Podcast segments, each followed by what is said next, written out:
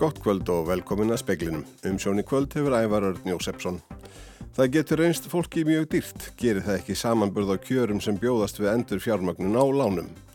Tilugur um aðgerðir og landsáallunum aðlugun að lofslagsbreytingum var kynnt í dag. Aðgerðirna sem laður eru til eru yfir 90 talsins en mikil vinna er enn óunnin áður en hægt verður að hefjast handa.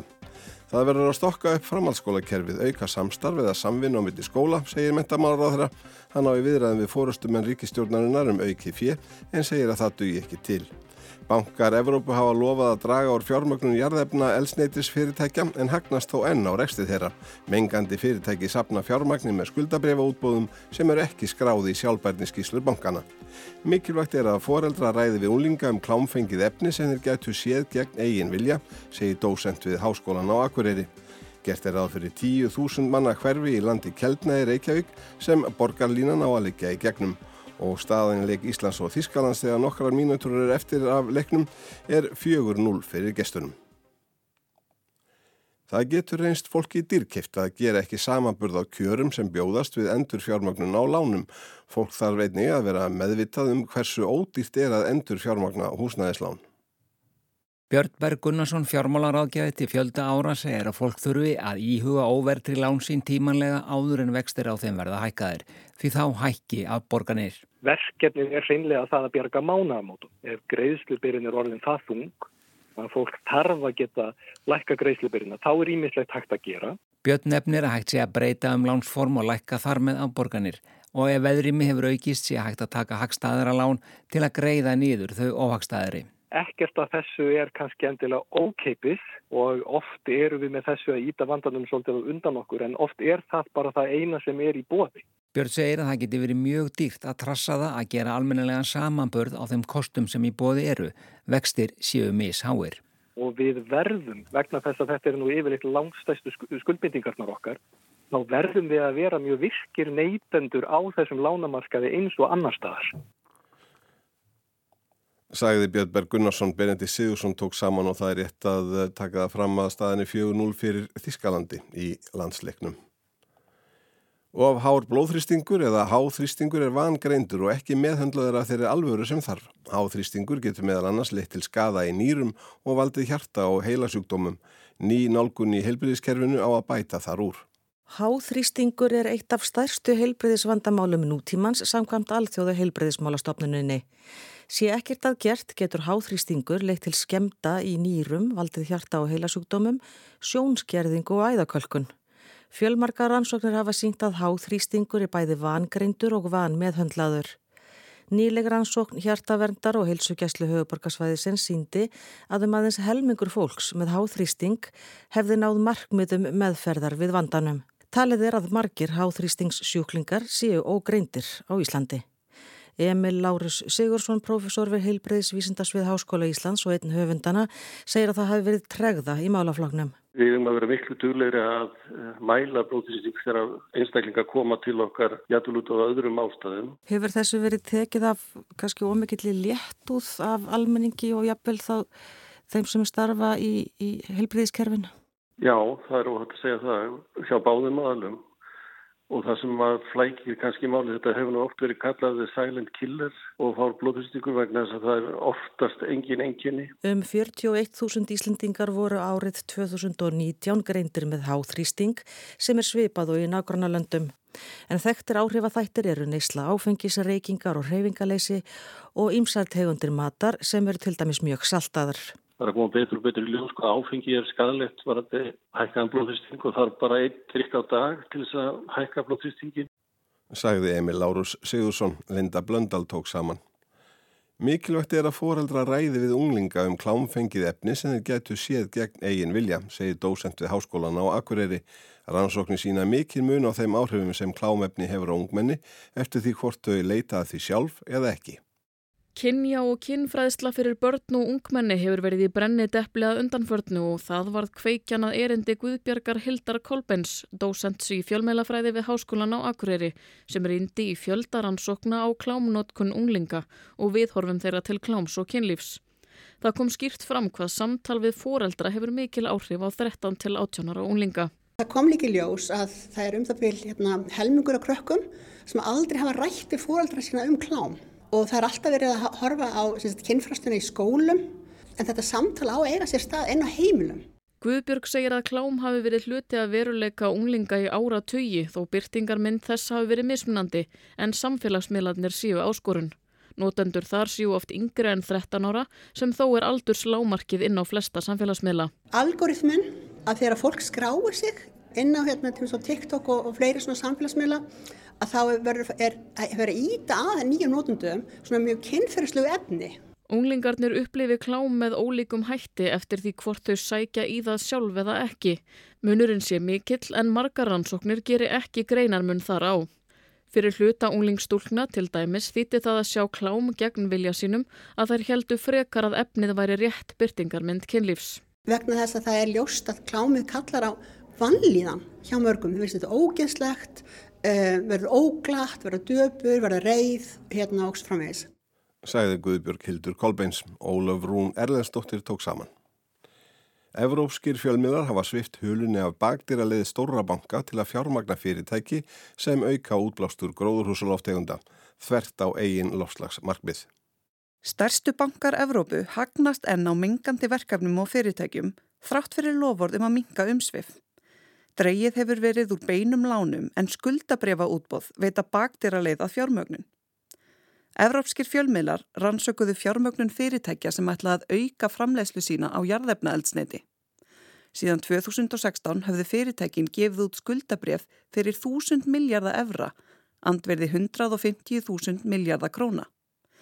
Fyrirtækin sem hafa nálgast hvað mest fjármagna þennan hátt eru Óliufélög Mexiko, Brasilju og Rúslands, Shell og BP.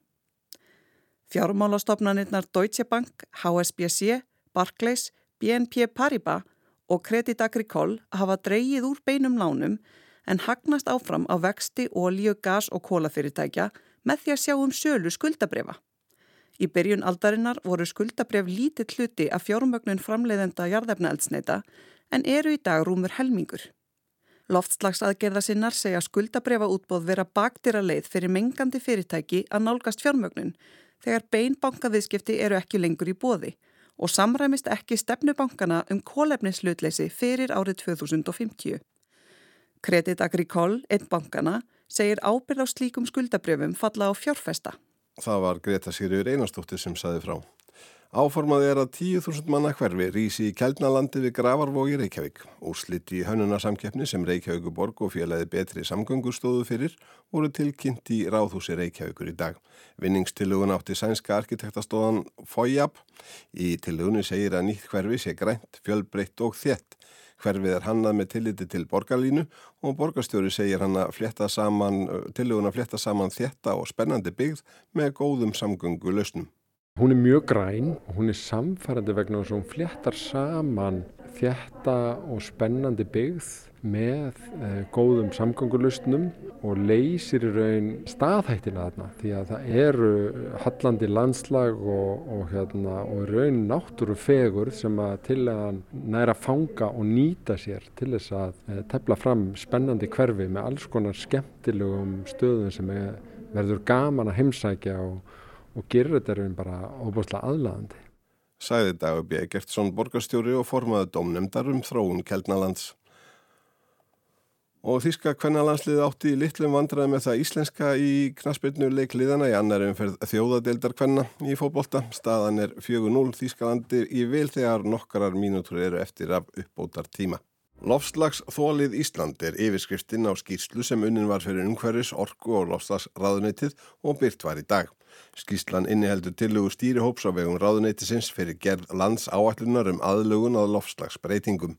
Í formála hennar segir að skýslur vísindafólks bendi á þá bersýnilegu staðrend að allar þjóðir heims þurfi að vinna að því að laga samfélag sín að áhrifum lofslagsbreytinga. Enda sé nöðsin þess að grípa til aðlögunar aðgerða orðin að veruleika vegna hlínunar lofslags og súrnunar sjávar.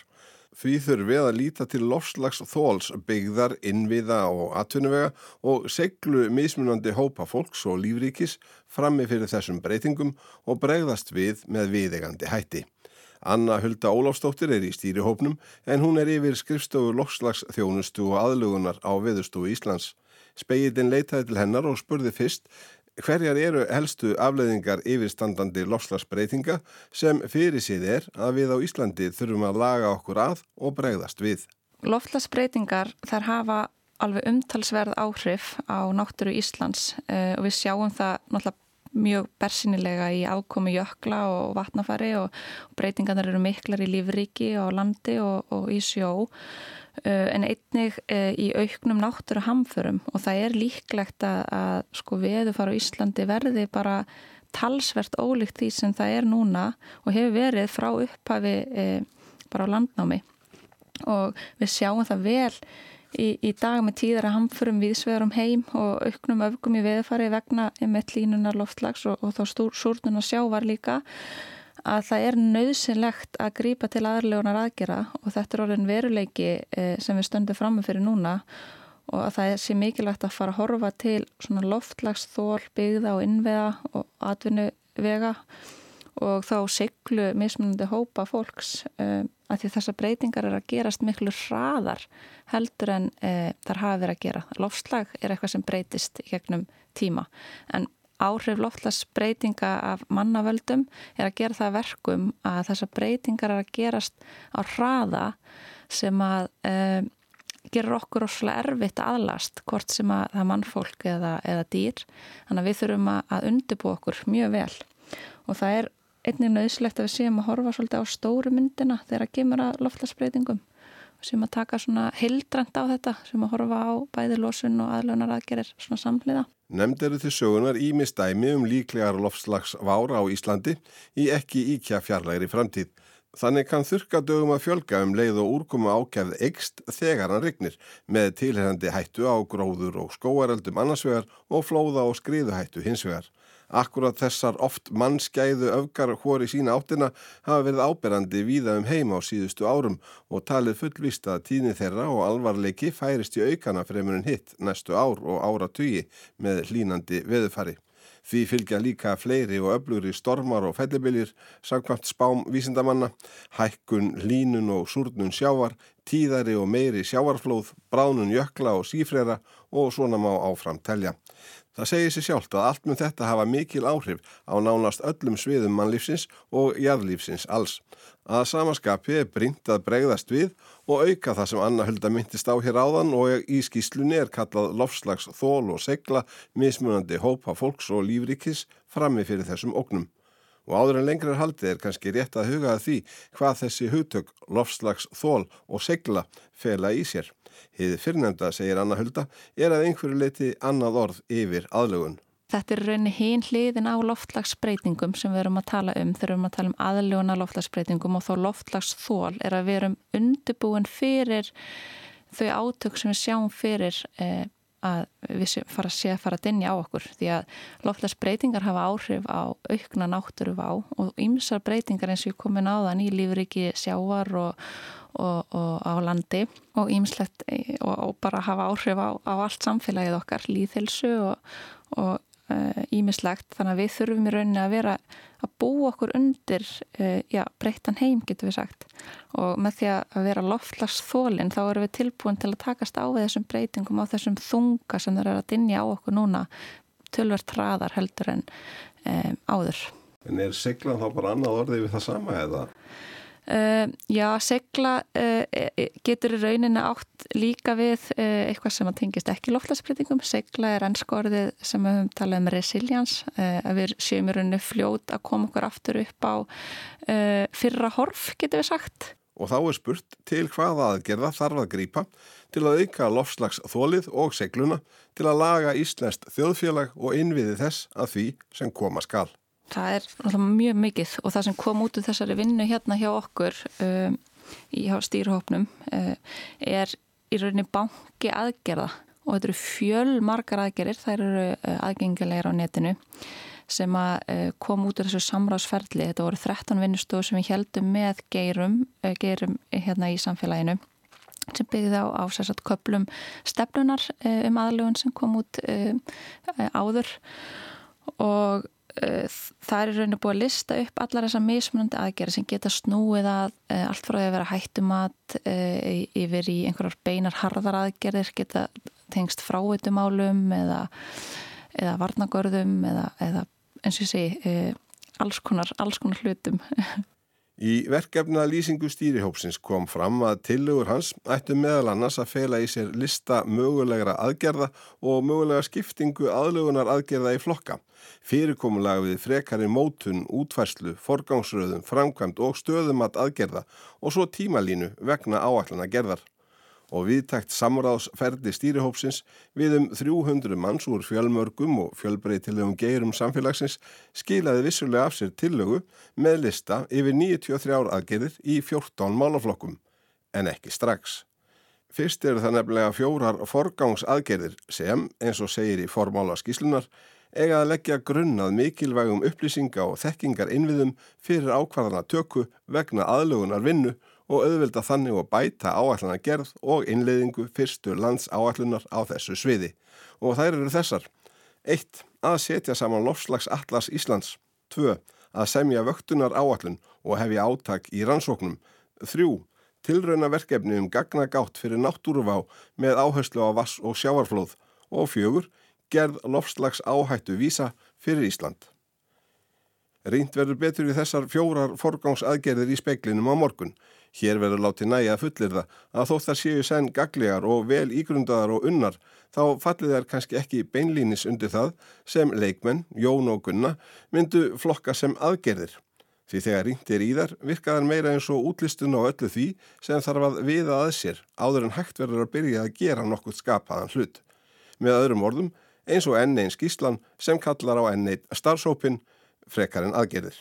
Já, það er kannski svolítið svo leiðis en það er mjög mikilvægt að, að vanda svolítið vel þessar aðgerið sem við grýpum til um, og þess vegna eru þessar forgangsaðgerir allar uh, stórt skref í áttina að við séum að taka réttar ákvarðanir. Við viljum búa til framtíð, sérstaklega vorum að horfa á skipulag. Uh, við viljum skip, taka skipulags ákvarðanir núna sem eru réttar fyrir framtíðina.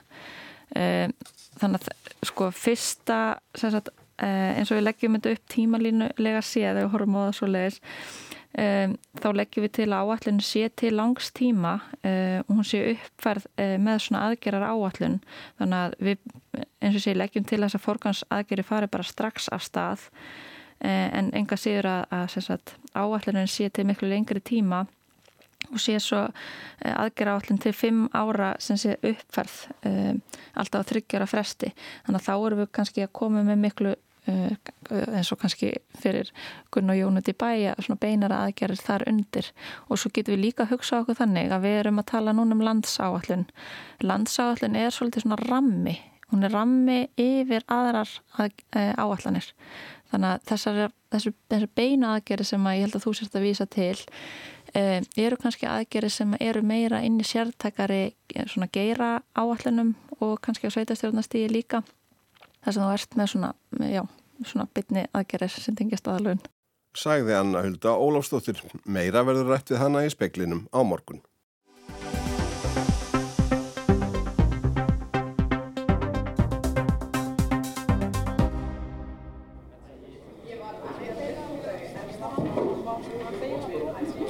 Hér er gamla húsnaði kennara háskólanis í Stakkalíð eru núna skrifstofur mentaðvísindarsviðs Háskóla Íslands Kennaraháskólinn var ju saminnaður hái fyrir 15 árum og ég er hingað komið til að ræða um saminningarskóla en ekki á háskólastígi heldur á framhaldsskólastígi.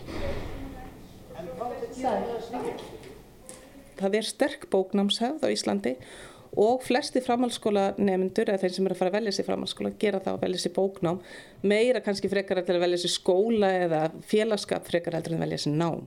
Já, ég heiti Elsa Eiriksdóttir og ég er dósent á mentavistasviði Háskóla Íslands. Það er ekki endilega óskynsamlegt að vera samin að skóla, menn það getur alveg verið vit í því að gera það.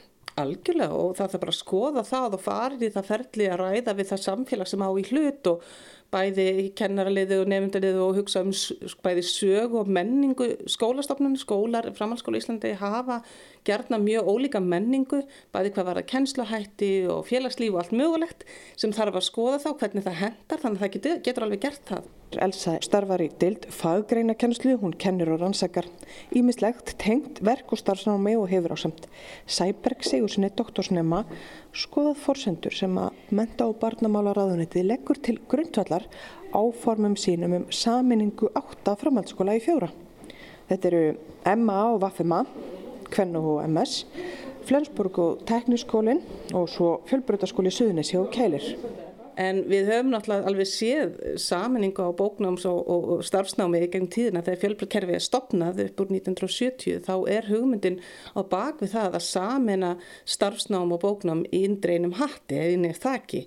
En við náttúrulega höfum alveg séð það með það fjölbröðskóla sem eru til að oft er þetta brauti sem ekkert skarast mikið. Þetta mm. eru tveir skólar undir einum hatti, það, eru starfsnámsbrautinnar og svo eru bóknámsbreytuna annars vegar. Þannig að við höfum ekkert kannski séð þetta flæða mjög vel saman endilega allstaðar. Það er ekki þar með sagt að það get ekki hefnast vel að saman á skóla ef það farið vel að. Er það þá þannig að það er raun og veru í einhverjum af þessum fjölbreytaskólum sem ert að nefna sérstaklega, það er kannski bara svona sameilig stjórnsísla og sameilig húsnæði? Algjörlega, og, en þetta má ekki gleyma því að þessi, þessi fög hafa oft mjög ólíka þarfir, því minna ofta eru til dæmis starfsnámst eh, tímanlega stundatöflur miklu lengri, þarf lengri tíma til að koma að verki, til þess að vinna eitthvað, það er áskoranir, svona kerfislar áskoranir að keira bæði undir sama hatti, þannig að þetta getur verið alveg mjög skiljanlegar ástæðar okkur þetta er gert svona eins og þetta er gert og verandi á sérstökum staðu þurfa kannski ólíkan hérna, búnað og svo framvegist þannig að þetta getur verið mjög góðar ástæði fyrir því af hverju þetta er svolítið aðskilið í skólum. Spórmaðist tilbaka og revím upp. Í apríl skipaði Ásmund Reinar Dáðursson menta á barnamálar á þeirra stýrihópum eblingu framhaldsskóla. Á stjórnaráðsvefnum segir að verkefni stýrihópsins séðan á markmiðum mentastafni stjórnvalda til 2030 og stjórnarsáttmála um eblingu verk og starfsnáms. Stýrhópurinn átt að móta og leggja fram tilugur um framtíðar skipulag framhaldsskólakerfisins. Skólanir stæðu enda frammi fyrir breytingum þar sem gera mætti ráð fyrir að nefndum í bóknámi fækki á komandi árum. Þið setið spurningamerki til Sæberg við fulleringar og forsöndurnar í þessu saminningarferli að það er að fækki í bóknámi. Já, við fáum ekki okkar gögn eða þau gögn sem við erum að skoða frá hagstofinu og úr hérna, aðsóknarkerfinu, úr innu.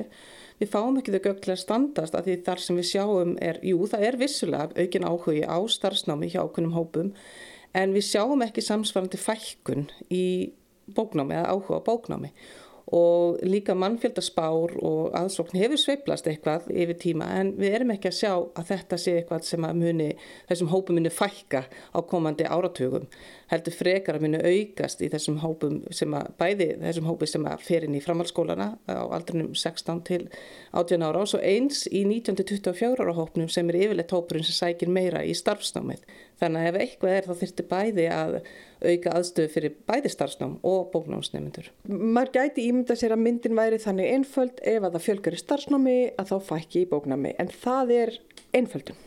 Já það verist vera. Við, það sem við sjáum ef við tökum svona einfald stóru drættinni kerfni hvert fólk fer, starfsnám, bóknám og svo undirbúningsnámið. Það sem við sjáum fælst og undirbúningsnámið það sem er hvernig framhalskólabraut eða undirbúningsbraut eða almennabrautir og þar erum við að sjá mikla fækkun á síðastlega tveimur áratugum úr þessu undirbúningsnámi. Þannig að ef við erum að sjá einhver stað tilfæslu kerfinu þá verðast hún freka að vera þaðan heldur hún úr bóknáminu. Um, en ef við skoðum svo meira í, uh, eftir greinum og greinaflokkum þá sjáum við líka að allt starfsnám er ekkit það sama en það er fjölgun í ákveðna greinar en það er fækkun í öðrum greinum.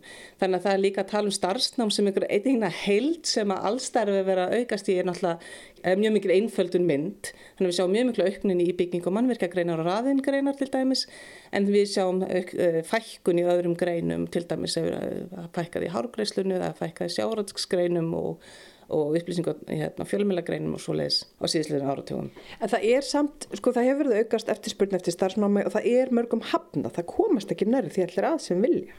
Nei, það er alveg rétt og það er sérstaklega líka þegar þú ert með ákveðna greinar undir eins og ég var að tala um á það. Það eru bygging og mannvirkja greinar og það eru rafiðin greinar. Það sem gerist um leið og þú ert með aðeins aukin áhuga þessum yngsta hóp sem kannski er aðeins að gerast, þá náttúrulega, þeir eru með forgangi í kerfinu þannig að þau eru tekin inn það þýðir að eldri nefnendur, þeim er hafnað í staðin þannig að höfnin er fyrst og fremst á eldri nefnendum ekki þessum yngsta hópi. En það má líka nefna það að núna síðustu tíu ár það hefur fælkað plásum í starfsnámi. Um, það var ákveðin kannski fjölgun sem kom eftir hrunið og en svo hefur það fælkaðum rúmlega þúsund plás á síðustu tíu árum sem er hansi stórt og í okkar litla kerfi Stýrihópurinn átti samkvæmt skipunabrefi að skila tilugum til ráþeira í áfengum í mæ, ágúst og oktober og í september var gerð ofinberg skíslan Ebling framhaldsskóla sviðsmynd 1, mentaskólin á Akureyri og verkmentaskólin á Akureyri.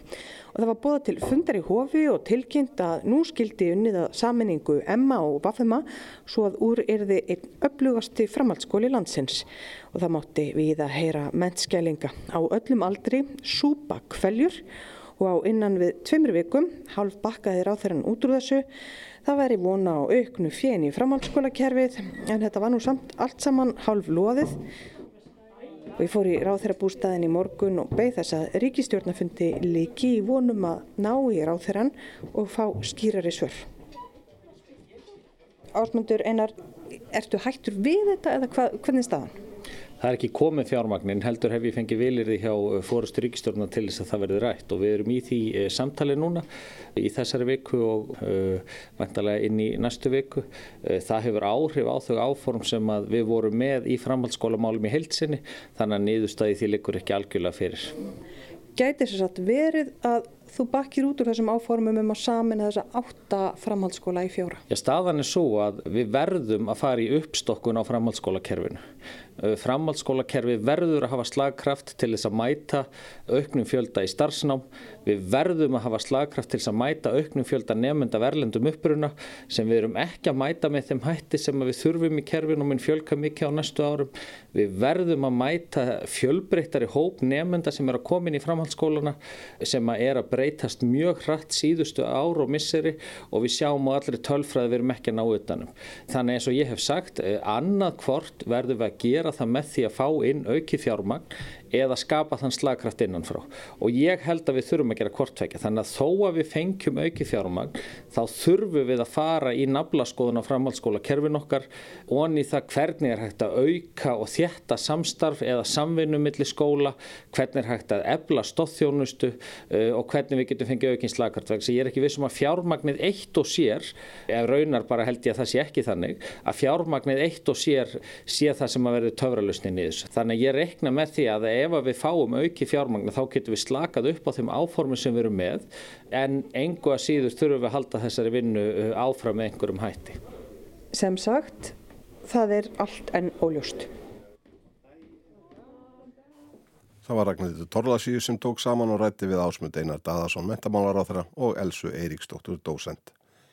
Og þá var veðrinu næsta sólarringin Það verður austan og norðaustan átt í kvöld og nótt, viða 8 til 13 metrar á sekundu en þetta 15 til 20 metrar á sekundu um landin norðvestanvert og rigning með köplum.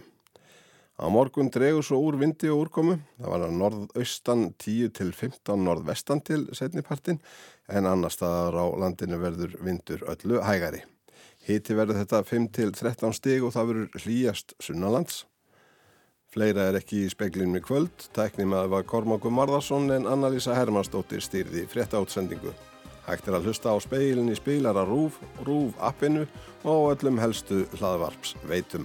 Verðið sæl.